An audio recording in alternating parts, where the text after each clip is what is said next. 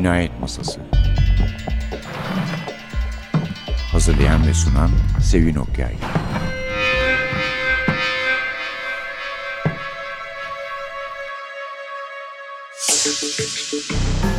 Merhaba, NTV Radyo'nun Cinayet Masası programına hoş geldiniz. Efendim bugün karşımızda pek bayılmadığımız bir yazar var. Yani benim bayılmadığım tabii sizi bilmiyorum çünkü o kadar çok satıyor ve Epsilon'dan yani iç kapağı boydan boya kitapların isimlerini koymuşlar yayın evinden çıkan kitapların o kadar çok satmış ki eğer bu bir gösterge ise ki mutlaka bir gösterge Nora Robertson artık kendi adıyla yazan J.D. Robb diye yazıyordu çünkü daha önce Nora Robertson pek çok hayranı ve okuru olduğu kesin.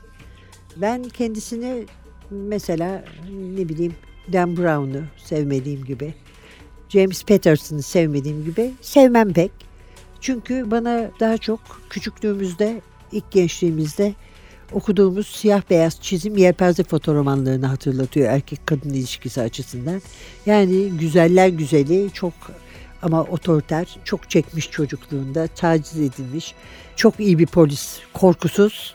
Eve Dallas'ımız var ve onun kocası var. Dünyanın en zengin adamı.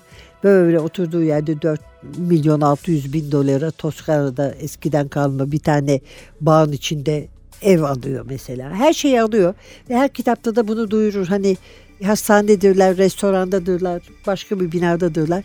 Hani burası Rorkun çıkar sonuçta. Bu sefer sadece bir restoranda bir şüpheyi dile getiriyor. Yani onun muydu değil miydi hiç bilemeyiz diye. Onun dışında pek fazla mülk sahipliğine girmemiş. Bir de bu ilişkinin fuslat bölümlerini bazen 4-5 sayfa kadar dinliyoruz, okuyoruz pardon. Onun için hakikaten yelpazelere benzetiyorum yani. Fakat çok da akıcı bir şey vardır, anlatışı vardır. Bu sefer bu sefer bu benim okuduğum en iyi Nora Roberts kitaplarından biri. Rahatlıkla içim kanamadan, yüreğim kanamadan tavsiye edebilirim. Masum Ölüm bir Eve Dallas polisiyesi. Orijinal adı Purity in Death ve Epsilon'dan çıktı. Hemencik söyleyeyim isterseniz diğer kitapların isimlerini. Uğursuz Kolye, Aşkın Resmi, Dolunay'da Aşk, Sıcak Buz, Villa, Aşk Sığınağı, Bataklıkta yok yok söylemeyeyim. Çünkü söylediğimin üç katı daha var. Yani çok var. Çok çıkıyor, çok seviliyor, çok kitabı basılıyor. Nora Robertson. Bu sefer ilginç bir durum var. İnsanlar birbiri ardından pıtır pıtır ölüyorlar. Ama bu insanlar pek yarar tek tırnak içinde insanlar değil. Yani birincisi uyuşturucu taciri, öteki pedofil. Bir tanesi araya karışmış dosyayı çözmeye çalışırken bilgisayardan virüs kapmış bir kanun adamı kolluk kuvveti temsilcisi demek daha doğru olacak.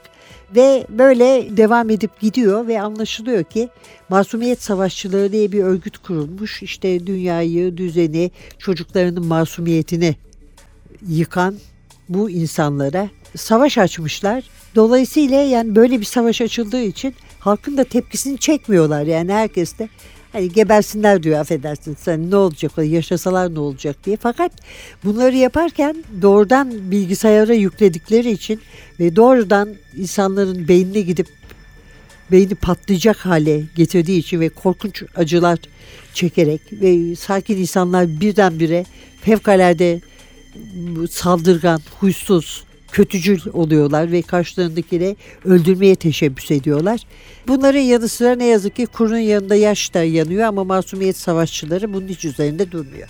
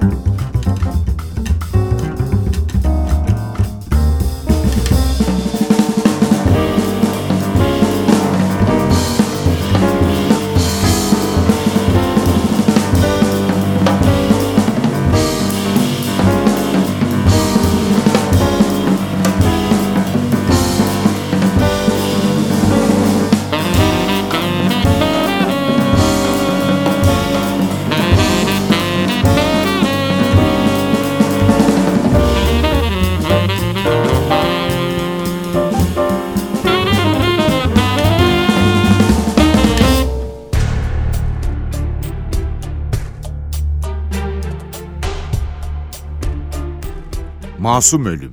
Teğmen Eve Dallas masasının üzerindekileri inceledi. Oyalanıyordu ve bundan pek gurur duymuyordu.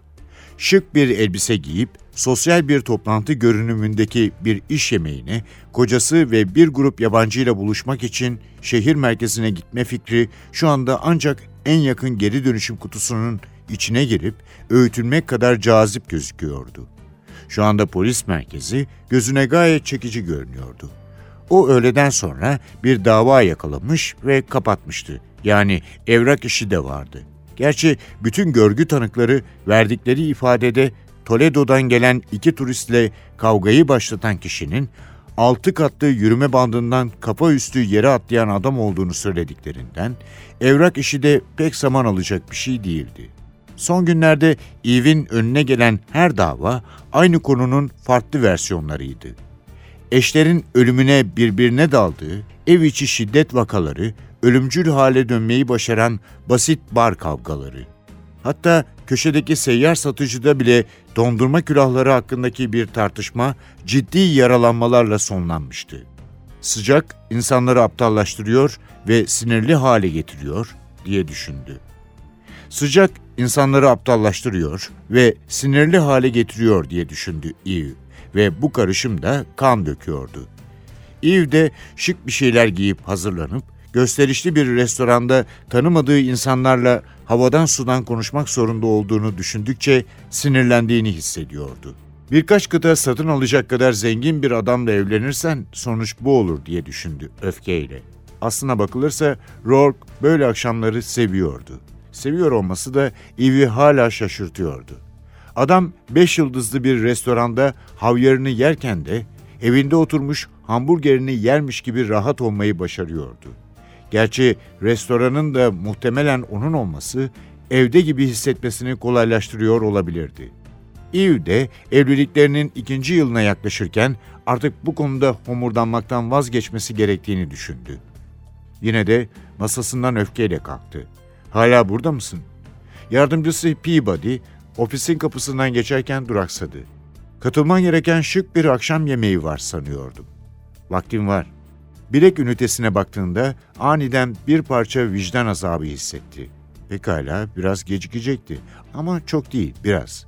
Atlama olayının raporunu bitirdim.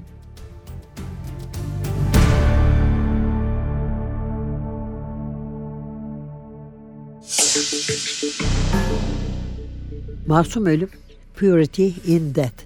Masumiyet savaşçıları demiştik. Zaten bu masumiyetle ilgili bir mesajı da bilgisayarlarda bırakıyorlar. Bu mesajı gören gerçek masumiyete erişildiği yolundaki mesajı gören kişiler ondan sonra ölümcül düzeye geliyor anlaşıldığı kadarıyla. Hatta Eve başlangıçta onun bir bebek pudrası markası olduğunu bile sanıyor. Önce bir uyuşturucu taciri öldürdü demiştik. Sonra onun bilgisayarını incelemek üzere emniyette görevlendiren polis kendinden geçiyor. Bambaşka bir insan oluyor. Amirlerini öldürmeye kalkıyor. Onun arkasından çok zengin bir ailenin pedofil olarak nam salmış oğlu bir kötü tanınmış bir bey diyelim. O gidiyor ve Eve ekibin başında bulmaya çalışıyor.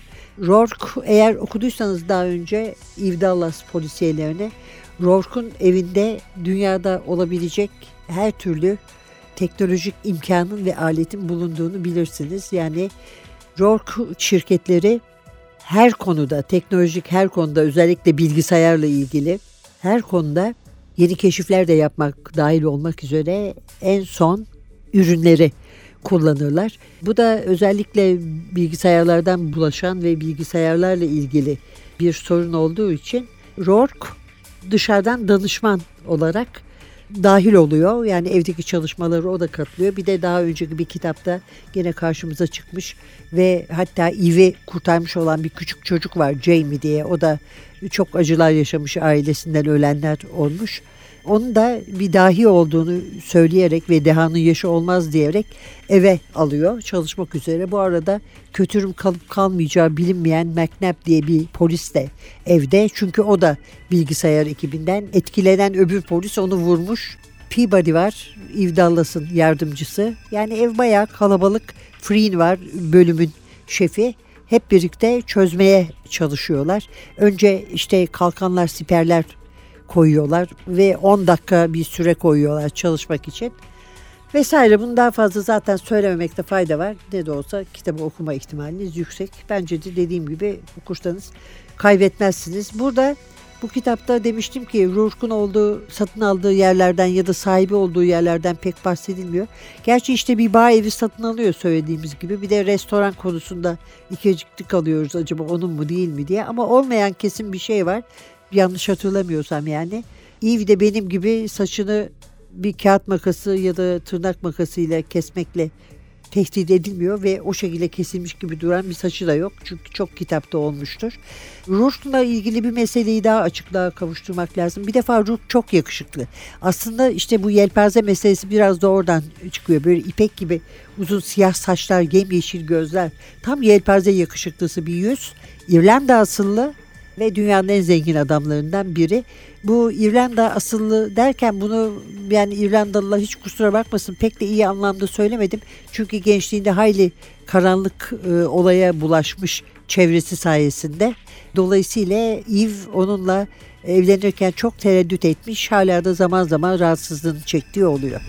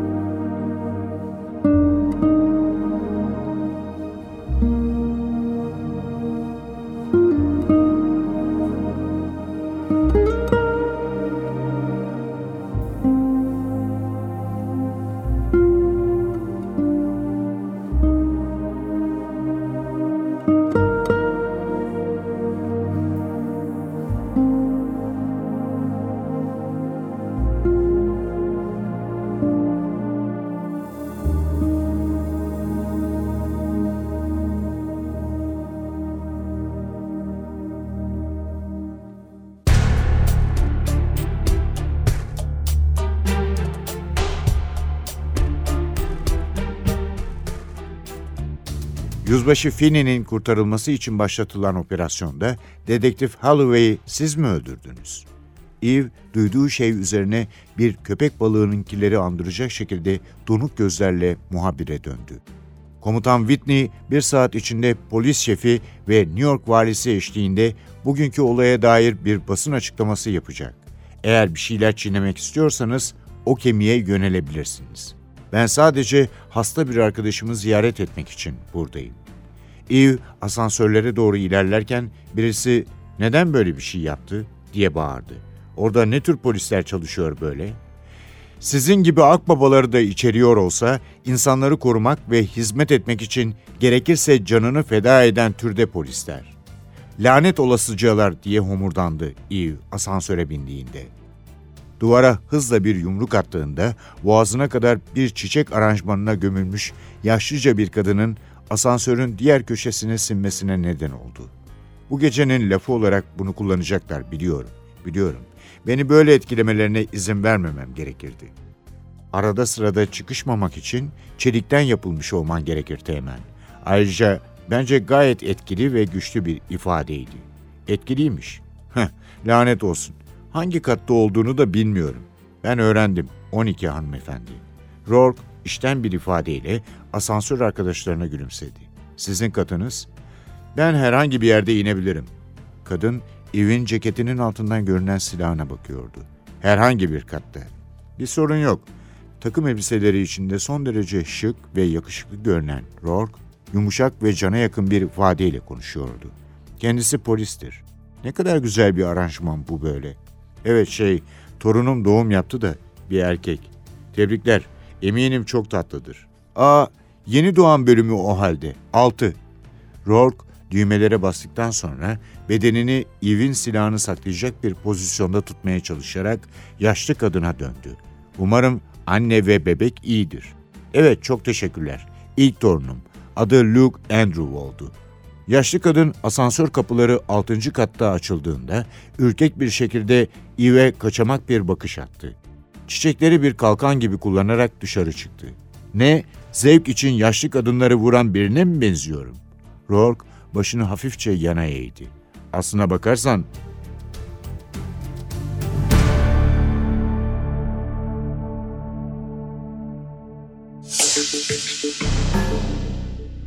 Efendim kitabımız Masum Ölüm.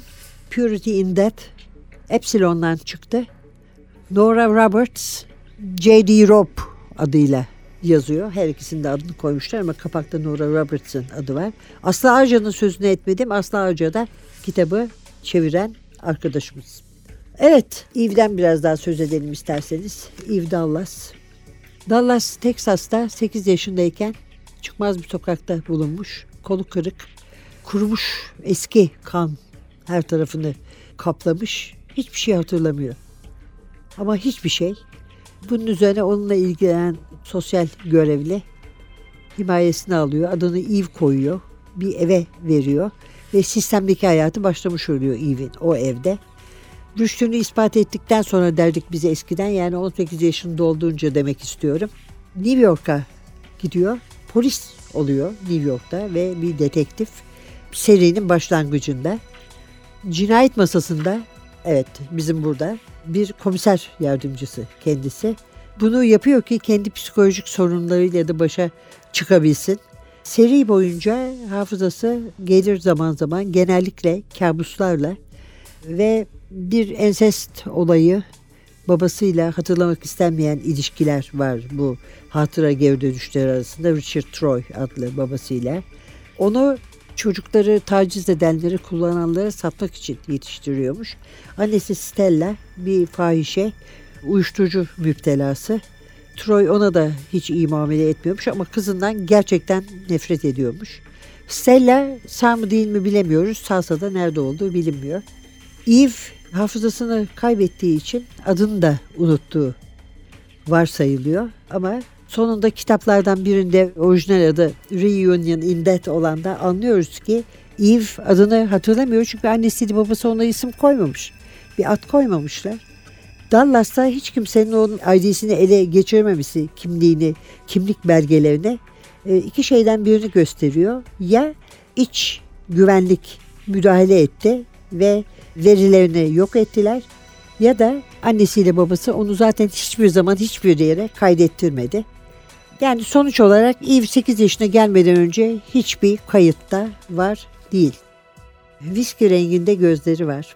Aslan tüy renginde bir saç. Uzun boylu, ince. Çenesinde gamze var. Ölçüleri takdir edersiniz ki ne kadar iyi olursa o kadar iyi ölçüler. İşine çok bağlı, çok az arkadaşı var. Aslında mesela yani evlerinde çalışan insanla bile kocasının bir numaralı adamı olan Somerset'le bile karşılıklı bir nefes ilişkisi var aralarında. Kimseye yani boyun eğmiyor da demek istemiyorum. Aslında boyun eğmek de değil.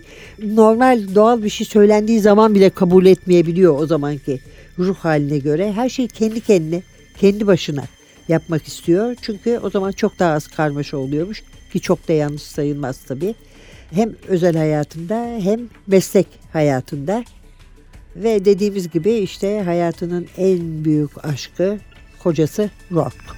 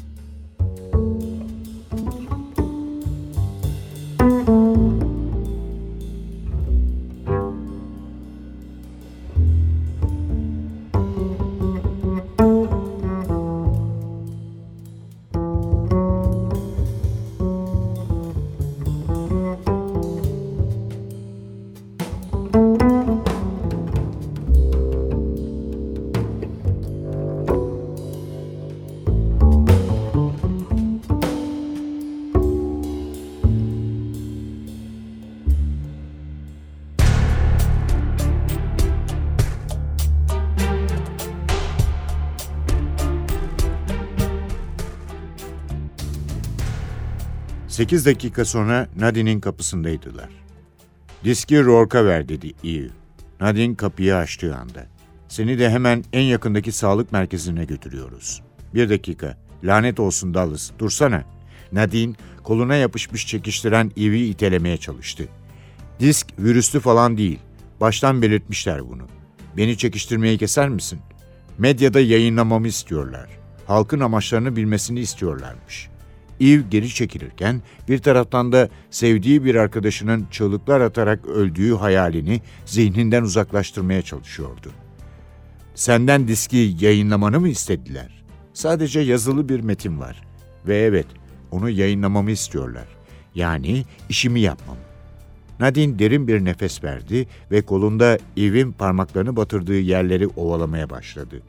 Sanırım sağlığım hakkında endişelenmene sevinmem lazım ama kolum moraracak. Ölmezsin. Önemli olan buydu ve o diske ihtiyacım var. Nadine özenle şekillendirilmiş kaşlarından birini havaya kaldırdı. Çekici ve zeki yüzü en az Eve'inki kadar kararlıydı.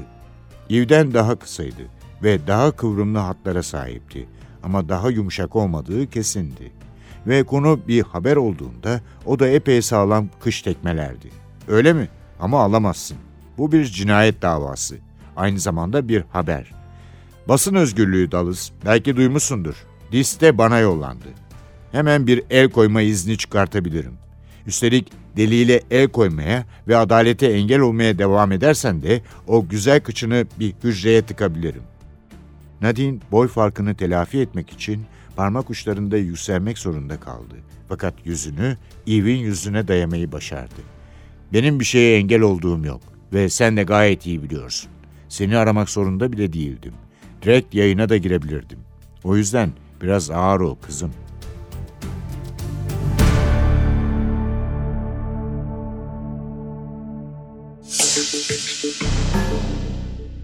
Evet efendim. Bir Eve Dallas polisiyesi masum ölüm. Vallahi bu sefer beğendim yani. Yani bir Eve Dallas polisiyesine göre çok makul olduğunu düşünüyorum diyelim en azından.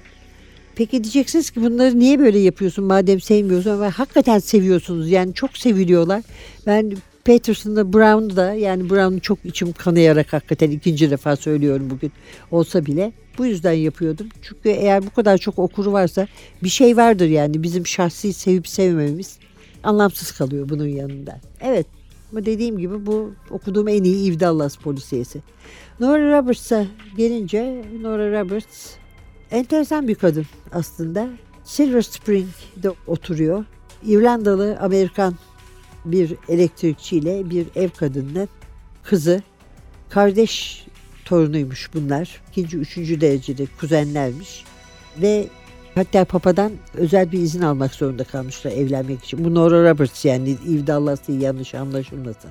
Büyük bir aşkmış onlarınki de. Abileri her ne kadar yaramaz olsa mesela ona bakmak gibi sorumluluklardan kaçmaya çalışıp kavgaya tutuşsalar da anneleri göründü mü her şey bitermiş. Nora Roberts diyor ki annem o evin hakimiydi, evi o idare ederdi. Bu da iktidardır diyor. O zaman ben derdim ki işte iktidar. Onun için ben asla bir kadının bir işi halletsin diye bir erkeğin gelmesini beklediği romanlar yazmayacağım. E, en azından Eve Dallas'ın öyle bir şey yapmadığını kesinlikle söyleyebiliriz. Hatta o işin uzmanı olan erkekler bile gelip müdahale etmek istediği zaman hoş karşılanmıyorlar. 1970'lerin sonunda aslında Mrs. Robertson kendisi de evlenmişti ve o da bir anneydi. İki küçük oğlu vardı. Ekmek pişirme işine kafayı takmıştı. Bir de el işlerine. Bir seferinde bir büyük fırtına sırasında 1979'da evde kapalı kaldı birkaç gün. Başka bir şey de bulamamış kendini oyalayacak, meşgul edecek. Bir aşk romanı yazayım demiş bu İvdallas'tan önce. Hayli aşk romanı var. Herhalde büyük ihtimalle J.D. Robb adını da onun için kullanıyor ki aşk romanlarını tanıyan, bilenler onu bir aşk romancısı olarak tanıyanlar polisiye yazdı diye küsmesin. Edebi şöhrete kavuşmayı beklemiyor. Buna inanmanın bir gereği yok diyor böyle bir şey olacağına inanmanın. Ve kendisi hayatından memnun. Kitaplarını yazıyor. Gördüğümüz kadarıyla büyük bir hızla yazıyor. E bir okurda buluyor. Mesela biz bile şu anda sadık bir İvdallas okuru olmasak da yazdığı bir kitabı çok seven bir okuruz. Evet efendim Nora Roberts Masum Ölüm bir İvdallas polisiyesi Epsilon'dan çıktı. Aslı Ağaca çevirdi. Önümüzdeki hafta bir başka Cinayet Masası programında yeniden birlikte olmak umuduyla mikrofonda Sevin, masada Hasan. Hepinize iyi günler diler. Titreyelim ve kendimize dönelim. Hoşçakalın.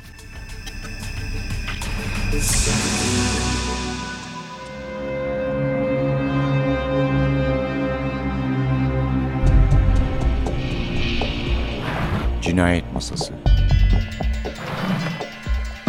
Hazırlayan ve sunan Sevin Okyay